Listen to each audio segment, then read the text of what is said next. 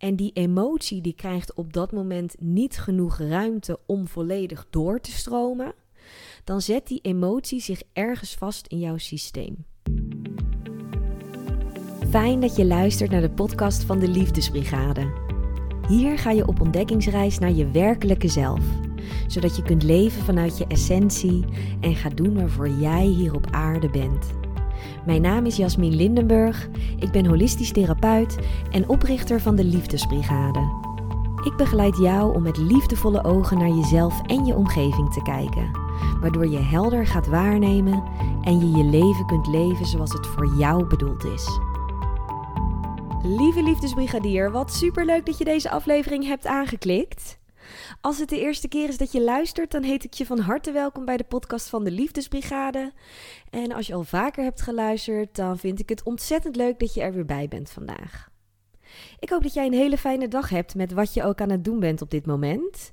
Ik zelf ben redelijk in de vakantiestemming deze week, kan ik wel zeggen. Uh, het ligt in ieder geval niet aan het weer, want gisteren en de dagen daarvoor was het echt prachtig zomerweer. Maar vandaag is de hele lucht weer bewolkt. Dus het zonnetje die schijnt wel, maar die kan ik helaas nu niet zien en voelen. Maar ondanks het uh, wat mindere weer vandaag, ja, merk ik dat ik toch wel heel erg in die zomervakantie-vibes ben. En dat zal waarschijnlijk komen deels doordat ik vakantie heb van de Erasmus Universiteit. Naast mijn eigen praktijk ben ik namelijk ook werkzaam als psychologietrainer op de Erasmus Universiteit. En ja, het is nu natuurlijk zomervakantie, dus dat betekent dat ik um, zo'n uh, ja, twee maanden vakantie heb, wat echt een extreme luxe is. En ik ben ook wel in de vakantiestemming, doordat ik begin augustus op vakantie ga naar Corfu met een vriendin. We waren een beetje aan het kijken naar bestemmingen. En om heel eerlijk te zijn, maakte het mij niet zo heel erg veel uit waar we naartoe gingen. Zolang het maar een nieuwe plek is waar ik nog niet eerder ben geweest en waar het heerlijk mooi weer is. Waar we lekker kunnen genieten van mooie nieuwe steden, van het strand, van lekker eten. Gewoon, ja, even helemaal ontspannen en lekker afschakelen. Is ook goed voor je brein om even helemaal niks te hoeven. En om gewoon even volledig te zijn op een andere locatie dan thuis. Dat werkt in ieder geval altijd heel goed voor mij en volgens mij voor iedereen. Dus daar kijk ik ook echt enorm naar uit. Tijdens het boeken van het ticket merkte ik ook hoe erg ik het heb gemist. Afgelopen anderhalf jaar om dus op vakantie te gaan of naar het buitenland te gaan. Dus um, ja, ik, uh, ik ben gewoon helemaal excited dat uh, Corfu eraan zit te komen. En wat ook wel een beetje helpt met de vakantievibes, is dat mijn ouders op dit moment op vakantie zijn met de caravan. Die zijn denk ik een maandje geleden vertrokken en die zullen nog wel een paar weken weg zijn. Ze zijn eerst naar Zuid-Frankrijk gegaan, maar dan stoppen ze onderweg op allerlei plekken om daar ook gewoon lekker te genieten en rond te kijken. En nu zitten ze ergens uh, aan de kust in Italië. En dan af en toe krijg ik een kort reisverslagje van mijn moeder. Dat stuurt ze dan in een berichtje naar me toe. En dan vraag ik ook altijd om foto's erbij, omdat het het dan nog veel beeldender en levendiger maakt voor mij. En ja, dat vind ik echt prachtig om te zien. Dat ik dan op die foto's kan zien dat ze zo intens aan het genieten zijn. Ze zijn allebei ook met pensioen inmiddels. Dus uh, ja, ze genieten echt heel erg van het leven. En uh, zo hoort het ook. Dus ik ben heel blij voor hen. En via die foto's en die reisverslagjes kan ik ook een beetje met hen meereizen. En in de afgelopen weken heeft mijn moeder twee berichtjes naar me gestuurd over situaties die waren voorgevallen bij hen op vakantie. En dat vond ik wel een mooie inspiratiebron voor deze podcastaflevering. Hoe het namelijk was, is dat ik volgens mij twee weken geleden een berichtje van haar kreeg. Toen zaten ze nog in Frankrijk, Zuid-Frankrijk. En mijn ouders die hebben ook een hond, Kenzo echt super schattig. Als je me volgt op Instagram, de Liefdesbrigade, dan heb je Ken zo vast wel voorbij zien komen. Hij is echt gewoon de koning van de familie. Zo noem ik hem ook vaak. Het is wel echt een koning. Een hele stoute koning, want hij luistert niet zo goed. En dat uh, blijkt ook wel uit dit verhaal wat nu gaat komen. Ze waren in een klein dorpje, ergens in de bergen, geloof ik. En daar hadden ze allemaal van die smalle straatjes die dan zo omhoog gingen. En op dat moment waren mijn ouders lekker aan het relaxen op het terras. Zaten ze gewoon even te chillen en de hond die zat gewoon onder de stoel. En op een gegeven moment ging mijn vader even naar het toilet. En toen zat mijn moeder daar op het terras te chillen. En ineens zag Kenzo, de hond van mijn ouders, zag een poes voorbij vliegen. Dus die rende daar gelijk achteraan. En hij zat vast aan zijn riem. En die riem die zat dus weer vast aan een poot van een stoel. Dus hij trok die hele stoel van het terras mee. En hij vloog echt achter die kat aan. En mijn moeder die was eerst zo perplex dat ze dacht... Wat gebeurt hier? En toen was het even waarschijnlijk error in haar hoofd van... Oh, wacht, mijn man zit op het toilet, maar die hond die rent weg. Nou, toen is ze dus achter Kenzo aangerend. Maar die hond die was zo snel... Die kon ze in eerste instantie niet vinden. En ze liep over al die smalle straatjes en ze riep hem: Kenzo, Kenzo, waar ben je, waar ben je? Helemaal in paniek. En op een gegeven moment toen uh, kwam ze ergens helemaal bovenaan uh, bij een klein pleintje en daar zag ze die stoel liggen, maar ze zag geen Kenzo. Dus uiteindelijk, na heel lang zoeken, heeft ze die hond uiteindelijk gevonden. Die zat gewoon echt zo te chillen, waarschijnlijk op de stoep. Van, oh, daar ben je. Ik uh, ben even achter een kat aangerend en uh, nu uh, zit ik hier op jou te wachten. Dus mijn moeder was echt ontzettend blij dat ze Kenzo weer had gevonden. En uiteindelijk is ze weer teruggelopen naar het terras. En toen had ze mijn vader ook erover ingelicht. Want die dacht natuurlijk ook, hè, waar is iedereen naartoe gegaan? Dus toen kreeg ik daar een kort verslagje over via iMessage. En dat ze ook zei: Ik was zo in paniek. Ik zat zo in de angst. Want die hond, ik kon hem nergens vinden. En het waren zulke smalle straatjes. En ze gingen echt allerlei kanten op. Ik wist niet welke straat ik in moest rennen. En ja, Kenzo is echt een schat van een beest. Maar hij is ook ontzettend eigenwijs. Dus hij is niet de meest gehoorzame hond, kan ik wel uh, stellen.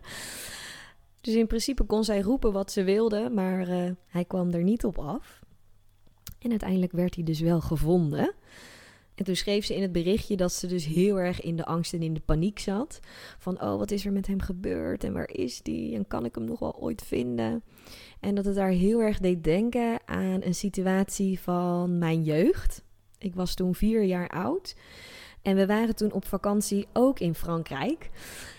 En we waren op dat moment in een heel druk groot warenhuis. En ineens was ik kwijt nou ja, je kan je wel voorstellen dat als je ergens loopt in het buitenland waar het super druk is en dat je kind ineens kwijt is, dat je dan volledig in paniek raakt. En dat waren mijn ouders natuurlijk ook. Die hebben echt in extreme paniek hebben zij uh, door heel dat warenhuis gerend. Jasmin, Jasmin, waar ben je? Nou, uiteindelijk ook allemaal uh, medewerkers erbij betrokken die ook mij gingen roepen: Jasmin, Jasmin. En uiteindelijk, na heel lang zoeken, werd ik dus gevonden. Ik zat verstopt in zo'n rond kledingrek, tussen die kleding dan in het midden. En uh, daar werd ik dus uiteindelijk gevonden. En toen uh, mijn moeder vroeg van, uh, ja, heb je ons niet horen roepen? Waarom ben je niet tevoorschijn gekomen? Heb ik dus blijkbaar geantwoord als vierjarige. Ja, ik had jullie wel gehoord, maar jullie riepen zo hard. Als jullie mijn naam nou heel zachtjes hadden geroepen, dan was ik wel tevoorschijn gekomen. ik kan me dit dus niet meer herinneren, maar als ik hier naar luister, dan denk ik ook echt: oké, wat zegt dat over mij? Was ik misschien ook wel eigenwijs en ook niet zo gehoorzaam, net als Kenzo, de hond van de ouders? Maar goed, dat is een heel ander verhaal. Uiteindelijk was ik dus gevonden. En een paar weken geleden, toen Kenzo dus was weggerend achter die poes aan, werd hij uiteindelijk ook gevonden. En mijn moeder die stuurde bij het verslagje in het berichtje dat ze naar me stuurde, het deed me heel erg denken aan dat moment dat jij als vierjarige in Frankrijk in het warenhuis verstopt zat. En dat ik zo in paniek was en dat ik overal riep en overal aan het zoeken was en vol in de angst zat: ga ik haar ooit nog terugvinden? En ze had precies dezelfde emotie op het moment dat ze Kenzo probeerde te zoeken in dat kleine dorpje, in al die smalle straatjes, daar in de bergen van Frankrijk. Nou, dat was natuurlijk wel een uh, intense ervaring voor mijn moeder op dat moment. En toen ontving ik vorige week weer een kort reisverslagje van mijn moeder. Dat ze op een camping zaten ergens in Italië. En dat er ineens die dag weer blinde paniek was. Omdat Kenzo opeens weer kwijt was. En ze konden hem nergens vinden. Dus ze zijn helemaal die camping overgerend. Kenzo, Kenzo, waar ben je? Opnieuw in die angst en die blinde paniek. En alle buren op de camping die hadden meegeholpen om hem te zoeken. Kenzo, Kenzo. En ze konden hem gewoon niet vinden. En toen uiteindelijk, ze hebben geen idee uh, hoe die daar weer terecht was gekomen. Maar toen vonden ze hem onder de caravan. En toen zat hij echt met zo'n kop te kijken. Oh, was je mij aan het zoeken? Dat heb ik zogenaamd helemaal niet gehoord hoor. En ik lach, maar het is eigenlijk helemaal niet grappig, want ik vind het heel sneu voor mijn ouders. Maar toen stuurde ze dus in dat berichtje ook: Oh, Jasmin, het deed me weer zo denken aan die situatie in Frankrijk in dat warenhuis toen jij vier was. Dus toen heb ik haar iets uitgelegd wat ik nu ook met jou ga delen in deze aflevering. En dat is het volgende. Als jij in een situatie zit waarin je een intense emotie ervaart, en die emotie die krijgt op dat moment niet genoeg ruimte om volledig door te stromen, dan zet die emotie zich ergens vast in jouw systeem. En dit zorgt dan voor een blokkade, een emotionele blokkade. Nu is het zo dat jouw lichaam bezit over een zelfgenezend vermogen en dat jouw lichaam in principe erop gericht is om als een helder kanaal alles door te laten stromen. Maar er zit ergens een blokkade. Want ergens in het verleden heb je een situatie ervaren waarbij de emotie van destijds niet goed is verwerkt. Dus wat gebeurt er dan? Dan in de jaren daarna, dan kun je belanden in een situatie die daarop lijkt. En soms kan dat al na een paar dagen zijn, of na een paar weken, of na een paar jaar, of misschien tientallen jaren. In principe doet het er niet toe hoe lang het duurt voordat die soortgelijke situatie zich herhaalt uiteindelijk zul je in een situatie terechtkomen die lijkt op die initiële situatie, waarin jij weer opnieuw diezelfde emoties ervaart. En het doel hiervan is zodat jij op een later moment die emoties die in eerste instantie niet goed waren verwerkt, alsnog kunt verwerken. Bij mijn ouders was het dus zo dat ik op vierjarige leeftijd me verstopt had in het Franse warenhuis. En dat zij in blinde paniek en angst rondliepen en mij zochten. En dat zij dus dachten dat ze mij nooit meer zouden terugvinden. Die angst en die paniek die zijn destijds niet goed bij hen verwerkt. En laat ik even vooropstellen dat dit allemaal onbewust gebeurt.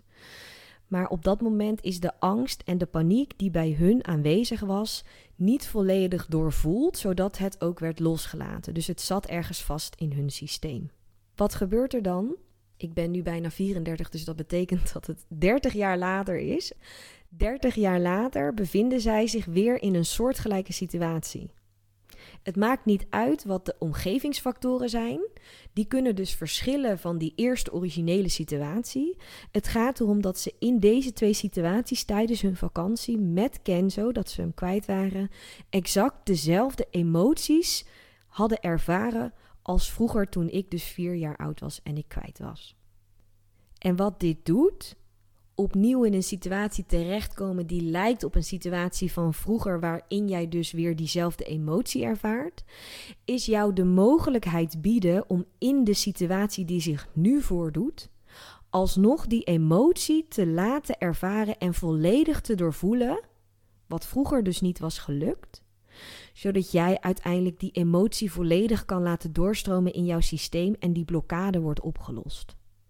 Dat is de reden dat situaties zich blijven herhalen in jouw leven.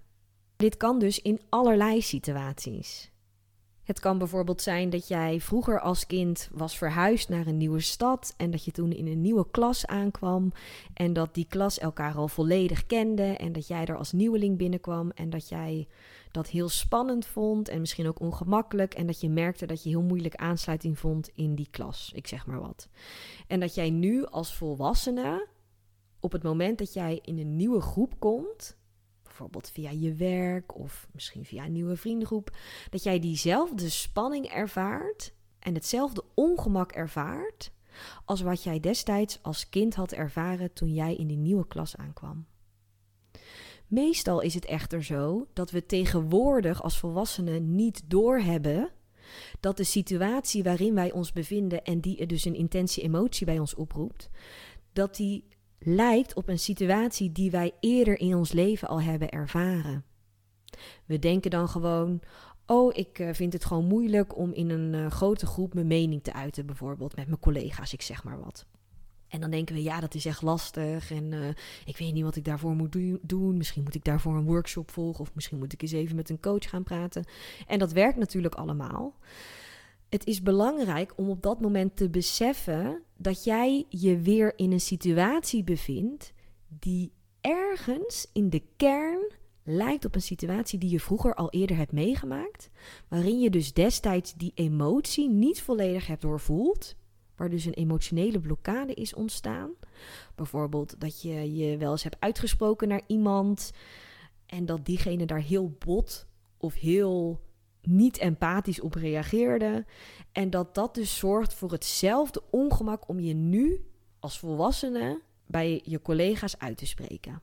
En dit zijn zomaar een aantal voorbeelden van situaties waar jij nu als volwassene in kunt zitten, zonder dat je doorhebt dat deze situaties lijken op een situatie die je eerder hebt meegemaakt. En zoals het voorbeeld van mijn ouders laat zien, hoeft het dus niet zo te zijn dat dezelfde personen in die soortgelijke situatie zich weer bevinden. De hele context kan compleet anders zijn, maar het gaat om die emotie die jij op dat moment ervaart. Situaties die blijven zich dus herhalen, zodat jij de kans krijgt om die emoties alsnog volledig te doorvoelen. Situaties blijven zich dus herhalen, zodat jij een emotionele blokkade kan oplossen. En ik snap dat als jij dit nu ervaart, Misschien uh, dat je het heel spannend vindt om je bijvoorbeeld kwetsbaar op te stellen bij iemand, ik zeg maar wat. Omdat je bang bent voor de reactie van de ander, of omdat je bang bent dat het bepaalde consequenties heeft voor jullie vriendschap, of voor jullie relatie, of voor jullie contact. Dan is het dus belangrijk om te beseffen dat dit juist een mooie kans is, hoe ongemakkelijk het ook op dat moment is, om alsnog volledig te doorvoelen wat er gevoeld wil worden. Echter is het vaak zo dat als je in zo'n situatie zit, dat je zo ongemakkelijk ervan wordt dat je probeert om die situatie te vermijden. Of dat je probeert om die emotie te vermijden. Maar dat zorgt er dus juist voor dat die emotionele blokkade nog dieper in jouw systeem vastgezet wordt. En dat wil je niet. Tenminste, je wil niet dat uiteindelijk die emotionele blokkades voor allerlei klachten gaan zorgen, toch? onzekerheden bijvoorbeeld, die blijven zich vastzetten in jouw systeem als die emotie die daarbij hoort niet volledig doorvoeld wordt. Dus wat ik hiermee wil zeggen is, ik begrijp heel goed dat het heel ongemakkelijk is om ongemakkelijke emoties te ervaren, maar de enige manier om daar doorheen te breken, om die los te laten, is om volledig te doorvoelen wat er gevoeld wil worden. Dus ik nodig je uit om eens in je leven te kijken, op dit moment, of misschien een paar weken of een paar maanden geleden, waarin er een situatie was waarbij jij sterke emoties voelde. Kan misschien zijn dat je angstig was of dat je heel erg boos werd, dat je misschien paniekerig werd, bepaalde emoties die een hele sterke lading hebben.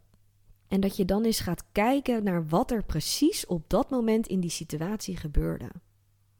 Was je misschien op dat moment in het contact met iemand die hiërarchisch boven jou staat, omdat het bijvoorbeeld je leidinggevende is?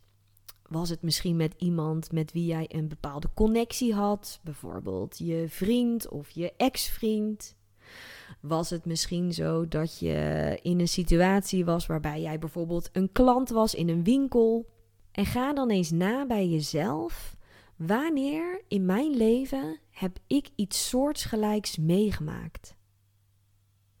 Wanneer in het verleden bevond ik mezelf in een situatie die lijkt op de situatie waar ik nu in zit en waarbij ik precies diezelfde emotie voelde? En als er dan iets naar boven komt, dan is dat met een reden. Dan zit daar een link tussen. Want anders dan zou je onbewuste geest dat verband niet leggen.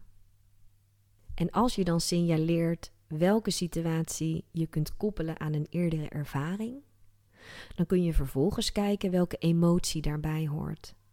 En kun je vervolgens voor jezelf onderzoeken hoe jij die emotie alsnog volledig kunt doorvoelen, zodat die zich niet vastzet als een emotionele blokkade in jouw systeem. Mocht je dit nu lastig vinden om te onderzoeken welke situatie van het verleden lijkt op de situatie waar je nu in zit, of dat je het lastig vindt om de emotie alsnog volledig te doorvoelen, weet dan dat je het niet alleen hoeft te doen. Je hoeft dit niet alleen te onderzoeken en je hoeft dit niet alleen te doorvoelen. En je hoeft dit niet alleen te verwerken. Ik ben er voor jou. Als je hier hulp bij zou willen, blijf dan even luisteren naar de outro van deze aflevering. Daarin vertel ik je hoe je met mij in contact kan komen.